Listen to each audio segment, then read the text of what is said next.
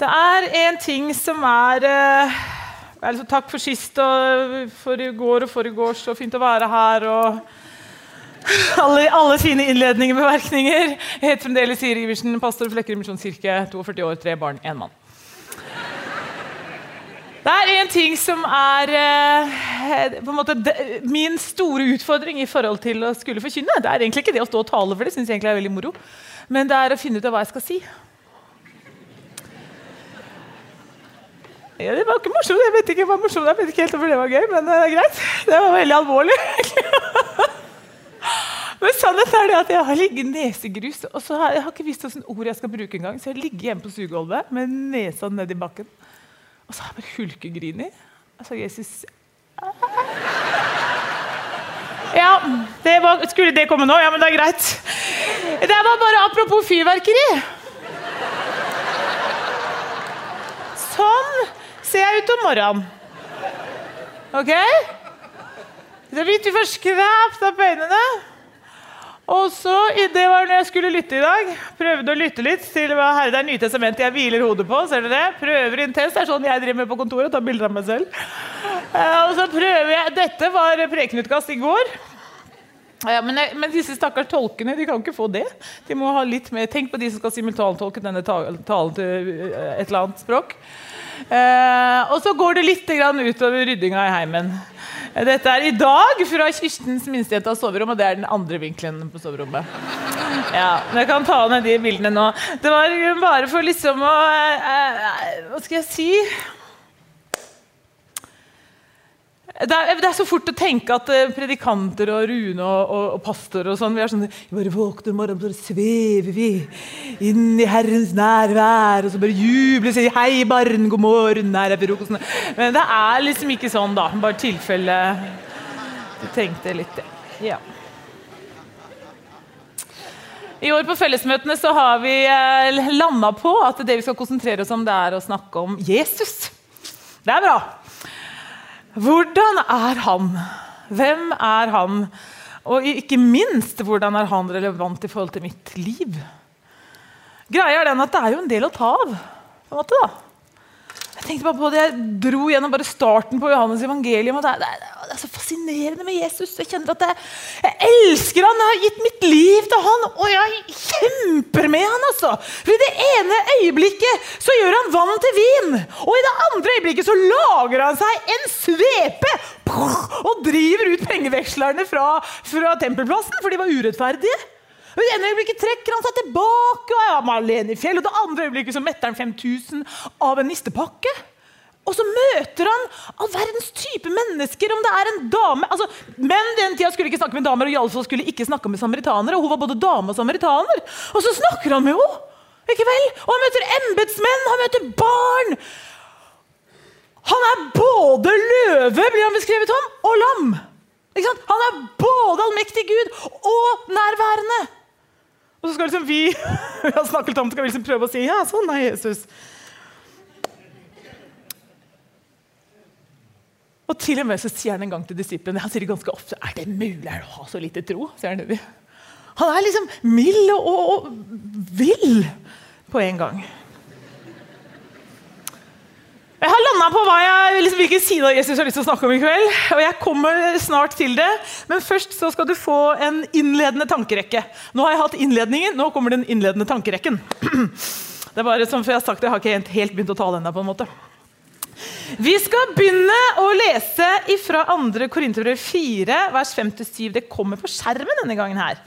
Eh, og jeg må si, kjære dere fra Flekkerøya eller noen andre som har hørt meg tale med en tre ganger, så har du garantert hørt meg komme innom dette, for dette liksom ligger helt øverst i hjertet mitt. Eh, men Guds ord er alltid bra. Så vi leser 2. Korintere kapittel 4, og så bare da vers 5-7. Vi forkynner ikke oss selv, men Kristus Jesus som Herre og oss som tjenere for dere. For Jesus skyld.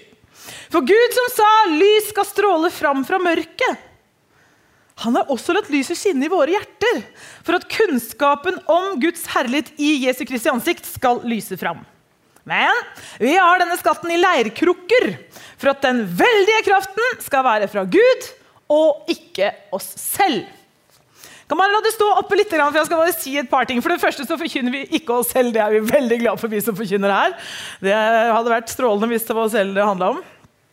Og for det andre så står det da at Gud på en måte har Det var det lyset Hilde snakka om i går. Det har han skrudd på inni hjertene våre. Det er det som skjer når vi begynner å tro på han, at han skrur på lyset på et vis. Og så skinner det inne i våre hjerter. Du kan ta ned teksten nå, egentlig. Det som er eh, I tillegg til det jeg sa første at Gud alltid er større enn, så er det en annen ting som aldri slutter å fascinere meg. Om det å, å være en kristen og det å leve med Jesus. Det er det at Guds ord beskriver så mange steder at Jesus ved Den hellige ånd bor i den som tror. Altså, bare Tenk på det et lite øyeblikk. Det er et mirakel! men Noen kristne har hørt det så mange ganger at man glemmer å reflektere over det. Men det er helt utrolig egentlig at Gud den allmektige, Jesus Kristus, ved sin ånd har valgt å flytte inn i den troende. I Gamle testamentet leser vi om at han bodde Han bor nemlig ikke her i Q42. Han bor ikke i domkirka. Før bodde han i tempelet. Han bor ikke der heller. Han bor i hjertet til den troende. Det er det som skjedde etter at Jesus døde og sto opp igjen og sendte sin Hellige Ånd, sånn at han kunne være alle steder på én gang. Hvis du har slå opp, kan du lese Galateren 4,6 i tilfelle du tror på meg.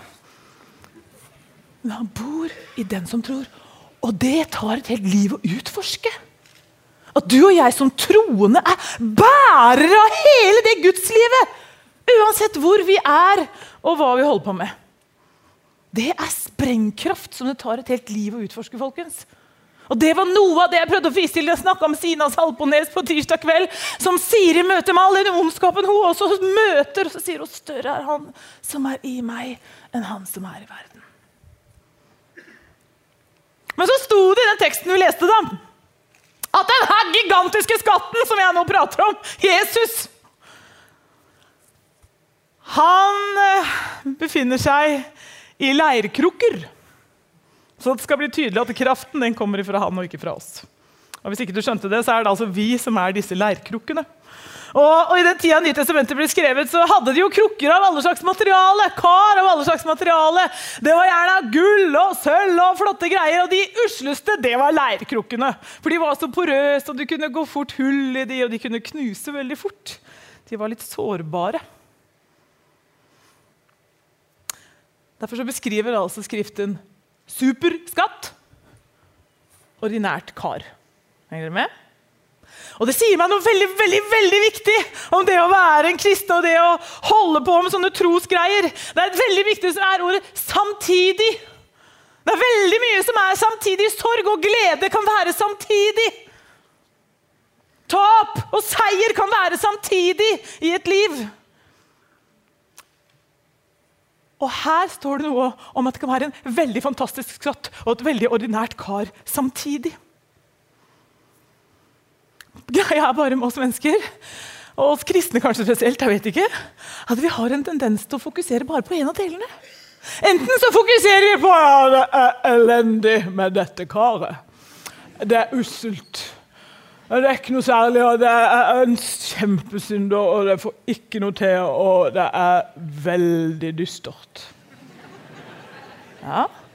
Eller så fokuserer vi på shaka bahaya og ratatatari, for skatten er så fantastisk, og det er så sterkt, og det er så kanonbra! Og jeg bare bekjenner bort at inni meg føler jeg meg helt forferdelig, men det er det ingen som skal se, for det er så sterkt hele tiden. Halleluja! Henger dere med? Jeg blir veldig mobba i menigheten min, for jeg gjør ofte sånn. Og det betyr begge deler på en gang. Det betyr ja til at skatten er fantastisk. Og samtidig, folkens, ja til at vi som er bærere av den skatten, er helt vanlige mennesker. Og det er derfor jeg hadde behov for å begynne med sånn som jeg ser ut på morgenen. Og jeg holder på med på kontoret. At rommet til ungene er bomba. Vi hadde lapskaus på boks til middag. Det har vi egentlig ganske ofte, men det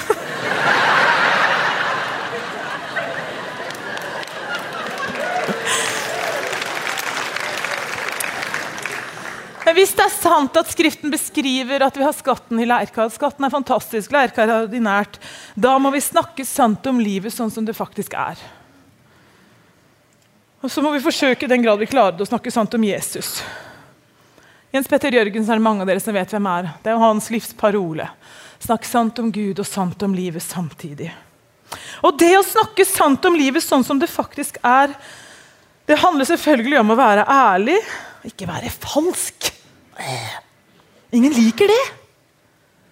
Jeg har en venninne som sier, peker opp mannen sin og sier noen ganger er det veldig herlig å være gift med han.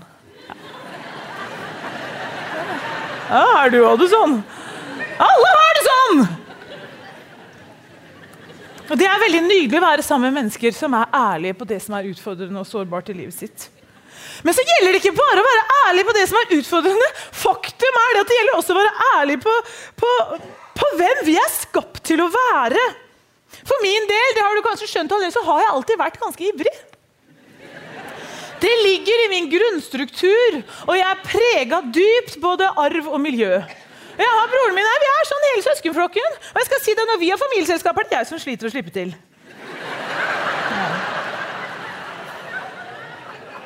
Og jeg hadde min utdannelse fra Ansgarskolen, og jeg husker jeg var 18-19 år. Og jeg prøvde å være stille og mystisk.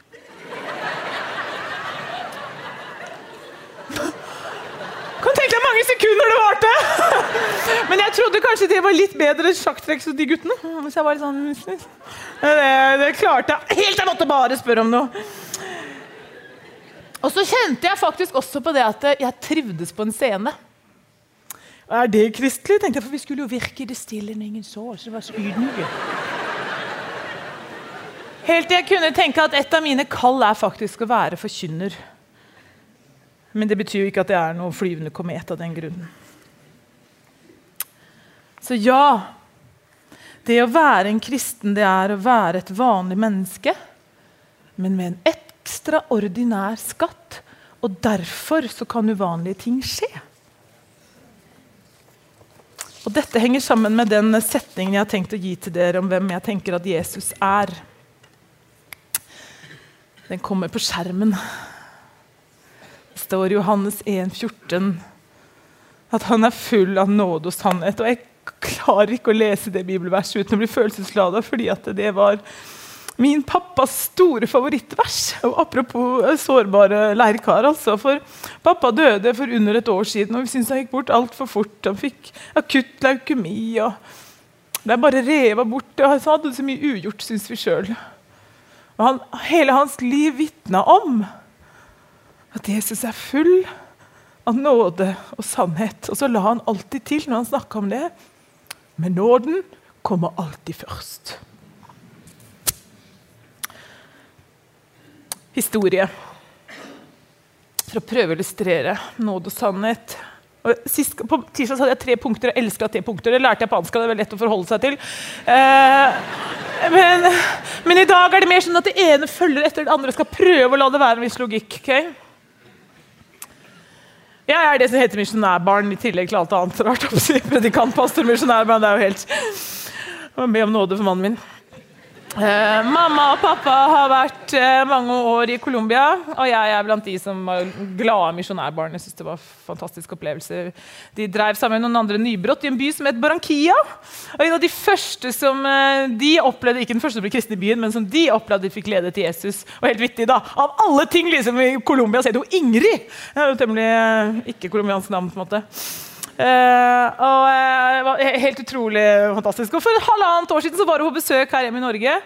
Og så sitter hun hjemme i stua uh, mi og deler vitnesbyrdet sitt for en god del av lederen i menigheten. og forteller om et liv med lite framtidsutsikter, egentlig. Mammaen hadde ikke noen mann, det er typisk i Colombia. Pappa han stikker av, og den lillebror. Og jobben til mammaen var i grunnen å få bare endene til å møtes.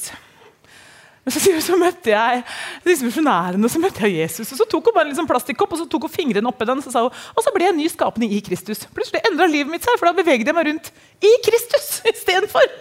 Uh, og så fikk jeg et nytt liv. Og så lite ante jeg hva Gud hadde planlagt for meg.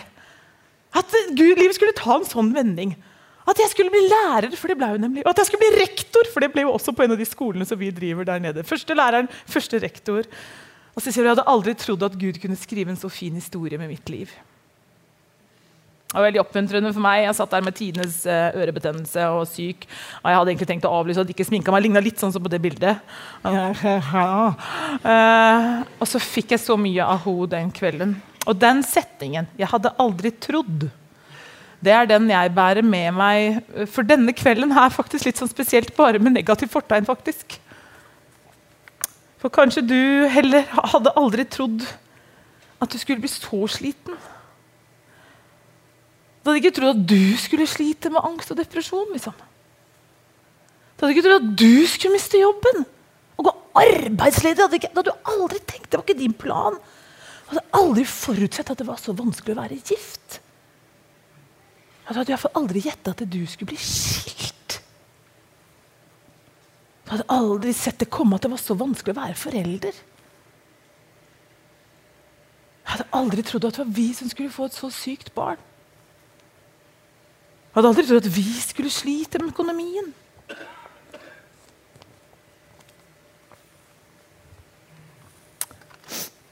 Det er så elendige multimediaforhold her i eh, Q42, så eh, tenkte det var grei å ha med tavle. Da føler jeg meg trygg. Jeg har vært lærer på Ansgarskolen i ti år, så da, da liker vi liksom å holde igjen eh, tusj. Nei, dette her blir litt feil. Dette har jeg ikke øvd på, kjenner jeg. Jeg pleier ikke å ha så stor tavle. Der bare det. Hvis eh, dette her, den voksen der, er mitt liv sånn som det faktisk er Og så er den voksen der det livet jeg hadde sett for meg Så virker det så langt fra hverandre. Jeg vet ikke om du har tatt uh, undergrunnen i London og hørt 'Mind the gap'. Mind the gap, og Det er det som hører du surrer rundt i huet ditt. Det er et stort gap mellom ideal og virkelighet. Og jeg vet det, det er mye man kan si om denne tegningen. denne fantastiske tegningen. Uh, jeg vet, jeg har lært at når man er bikka 40, det er da man skjønner at ideal og virkelighet liksom, uh, spriker litt. Så det er greit nok. og det kan også hende at idealene dine må justere. Det, det, er også greit nok, men det er liksom ikke poenget akkurat i dag. Og så må jeg bare si PS, det kan hende du har det helt strålende og lever midt i drømmen. og du kjente deg ikke igjen noe. Da kan du bare be for oss andre. For til deg som kjenner på dette spriket, og jeg tenker også på alle dere som ser på skjermene, for dere orka ikke å komme i kveld. Du kan ikke tenke deg å møte andre folk engang. Så tror jeg at Jesu hilsen til deg i kveld er at jeg, da er det ikke Siri, men Jesus sier jeg stiller meg mellom livet sånn som det er og sånn som du hadde drømt om. Og så kan han fylle det mellomrommet. Og folkens, det er det vi kristne kaller nåde!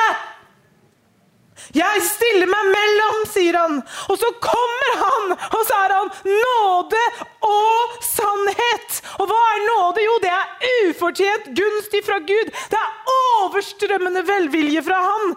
Men så kommer han også med sannhet. Så vet han om ditt liv, om dine begrensninger, om dine skuffelser, om alle de gangene du kommer til kort. Men så vet han også sannheten om hvem du er skapt til å være og sannheten om hva du er i Han. Så er han i stand til å tette mellomrommet.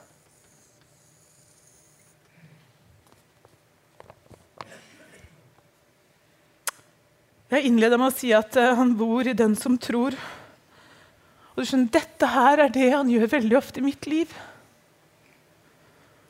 Han kommer med nåde og med sannhet, og så sier han sier jeg stiller meg mellom. Alt det der du ikke helt får til. Faktisk så står det i Kolosseren 1,17 det hadde jeg ikke oppdaget før, at det står at i han blir alt holdt sammen. Og egentlig så handler det om hele universet. Tenk han holder sammen hele universet, så kan han holde sammen meg. Jesus, Det skal komme mer til den tegningen. Altså, hvis du den som var litt stusslig. så det er, det er et poeng med at eh, det kommer litt mer.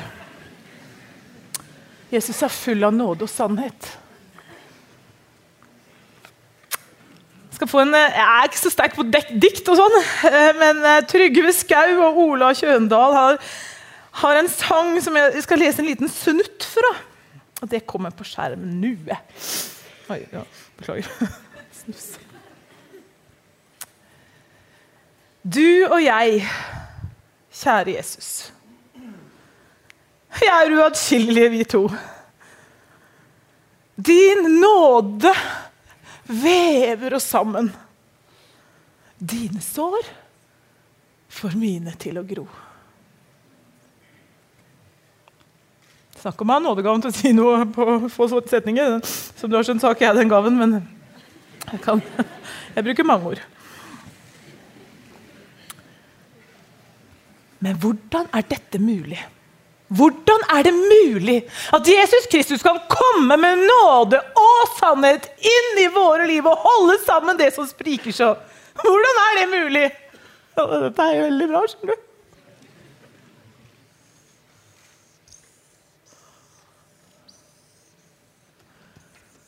Jeg har kommet på den her helt sjøl.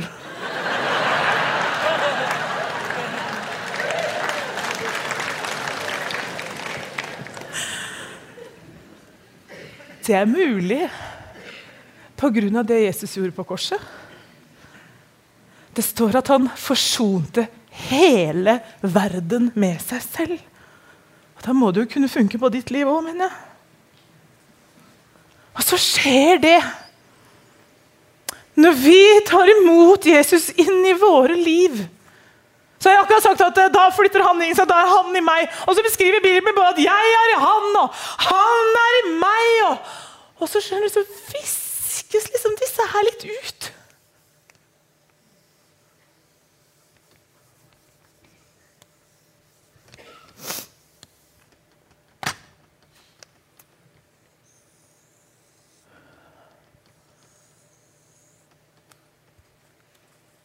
Og så blir det sånn som det står i Galaterne 22. Det kommer ikke på skjermen, for egentlig du skal bare se på den utrolig fantastiske tegningen. Og høre mens jeg sier at jeg lever ikke lenger selv.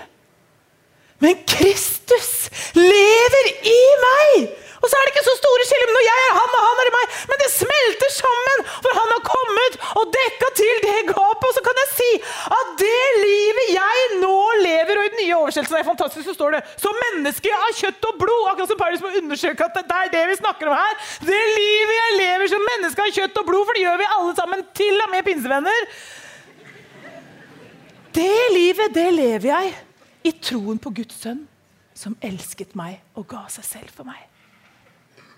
Hva slags liv lever jeg? Jo, jeg lever et liv i tro på at Jesus elsker meg og ga sitt liv for meg. Eller jeg skal sitere ett vers som heller ikke kommer på skjerm. Bare hør. Det er fantastisk kort og gripende. Ved Hans nåde er jeg det jeg er, og Hans nåde mot meg har ikke vært forgjeves. Fantastisk vers! Jeg, hadde, jeg kjenner ei som, som tatoverte det på foten sin. Og hadde vært gjennom mm, You name it. Og så hadde hun bare ville aldri glemme hva du gjorde på, på spansk. Soy lo que soy. Hans nåde er jeg det jeg er. Jeg kan bare si dere at Tidsskjemaet det, det, det, sprakk litt før jeg kom på. Så, så jeg ikke, ligger ikke så verst an, men jeg, har, jeg skal fullføre dette jeg har begynt. Venner, det er utfordrende å snakke om nåde i Kristiansand. Faktisk. Veldig så, Nåden er så blaut, liksom. Men jeg, Mange av dere vet hvem Håkon Fagervik er. Jeg har hatt den store glede å reise mye med han, eh, særlig når jeg var litt yngre enn jeg er i dag. Han snakka om Han fortalte meg at han hadde fulgt en narkoman. Oppturer og nedturer. Og så døde den narkomanen i en overdose. Og så var det det store spørsmålet Kom han hjem til Jesus, liksom? Døde han til troen på Kristus? Det var liksom greia. Og så sier Håkon Fagervik Jeg så nå bare for meg Akkurat som et sånn himmelsk lager av nåde. Ja, det var palla på palla med nåde i det her himmelske lageret. Og så så jeg liksom som himmelens vesener. De sto bare klar til å skyfle ut nåde på nåde fra himmelen. Og behovet var ikke dem som trengte nåde. Behovet var alle dem som gikk med paraply. og ikke trengte nåden. Og dette preka han over begravelsen, denne broderen. Og bare sendte han rett hjem til himmelen. Det var veldig nydelig. Um, Guds problem er ikke de som trenger nåden og tar imot han. Guds problem er ofte de som ikke gjør det. Men så var det det der med at nåden den er ikke bleik. Nåden er ikke passiv. For jeg leste jeg er på grunn av Hans nåde, så er jeg det jeg er. Og Hans nåde mot meg har ikke vært forgjeves i Skriften. Og så fortsetter han rett etterpå, i samme vers, første kor 1510. Så sier han samtidig 'Jeg har arbeida mer enn noen av de', sier han. Eh, det vil si, ikke jeg, men Guds nåde som er med meg. For når Guds nåde og sannhet kommer inn, så blir dette vårt liv. Det gir kraft, det gir glede, det gir motivasjon. Det står at nåden oppdrar, og at ånden produserer frukter i våre liv, og han bor i oss. Tilbake til der Ingrid da, fra Colombia som satt hjemme i stua og som sa jeg ante ikke at Gud hadde så mye på lager. Og så sier hun jeg ante ikke at Gud kunne skrive en sånn historie med mitt liv. Og så satt jeg der med ørebetennelse og, og så pekte hun liksom på hver enkelt av oss i stua og så sa Gud vil skrive en historie med ditt liv. Han vil skrive en historie med ditt liv. Han vil skrive en historie med ditt liv. Og Når dette her har smelta sammen, og han kommer og dekker det der gapet, så ser vi bare hvordan han skriver en eller annen historie av våre liv. Og da begynner det å bli spennende å leve som kristen. Og jeg tror, kjære venner, at Guds hilsen til deg i kveld, det er at fra der du er i dag med det livet du faktisk har nå, med livet sånn som det faktisk er, så kan Gud skrive en vakker fortelling som andre kan lese om han gjennom ditt liv. For jeg vet bare det. At det er så fort å miste troa på dette her at liksom Gud har skapt meg unik. Det var liksom noe vi holdt på med når vi var tenåringer. Liksom, at Han har gitt meg evner og gaver og skapt meg med en hensikt. Og halleluja, det er en plan med mitt liv. Nå har jeg blitt 40, og så har jeg blitt 50. Og så har jeg levd så lenge og sett så mye. Og så har det liksom blitt slip litt bort, og så er det ikke noe forventning lenger. Nei, det, det ble ikke noe med meg. Jeg skrudde av.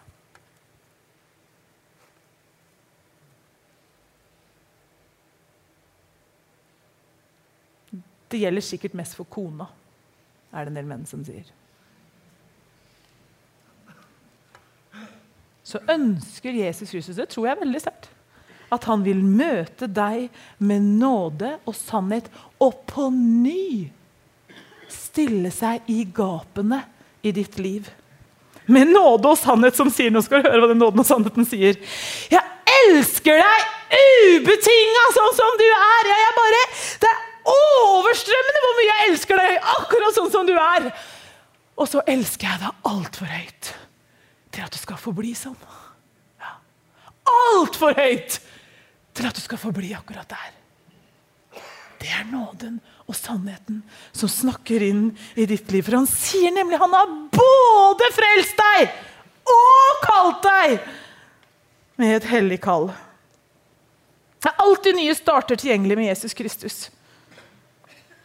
Jeg bruker ofte som eksempel Nå har alle nevnt min pappa, da, men mamma og pappa de var 48 og 50 aller første gang de satte seg på et fly til Colombia og måtte lære spansk og skulle gi sitt liv til et nytt forskerslag Så liksom, når jeg var liten, syntes jeg de var eldgamle. Synes jo ikke det var noe problem. Men nå er jeg 42 og tenkte hvis noen skulle sagt til meg at jeg skulle flytte til et eller annet land og lære et nytt språk om ganske få år, og ta med barna på min del, så hadde jeg tenkt Hoo! Men det fins alltid nye starter alltid nye begynnelser.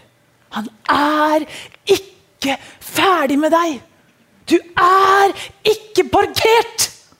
Han vil tette de der gapene, og han kan skrive en historie med ditt liv sånn som det er nå! Fra det utgangspunktet der du har, hvis han får slippe til. En eller annen kan sikkert rulle vekk den der, og så kan uh, lovsangerne komme fram.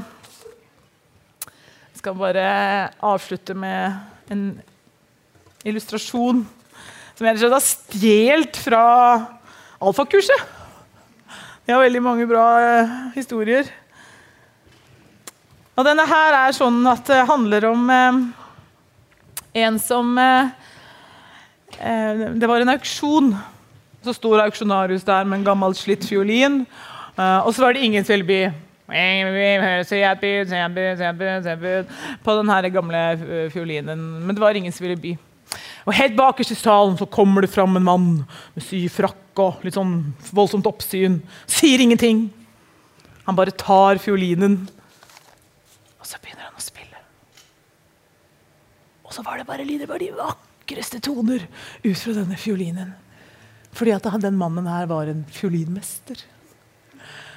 Jo, i mesterens hender så kunne han kunne trylle de vakreste toner ut av denne gamle, skrantende fiolinen.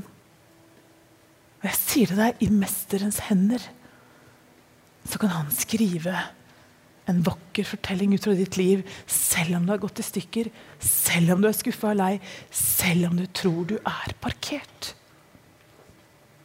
En helt lignende historie, men jeg sier det nå.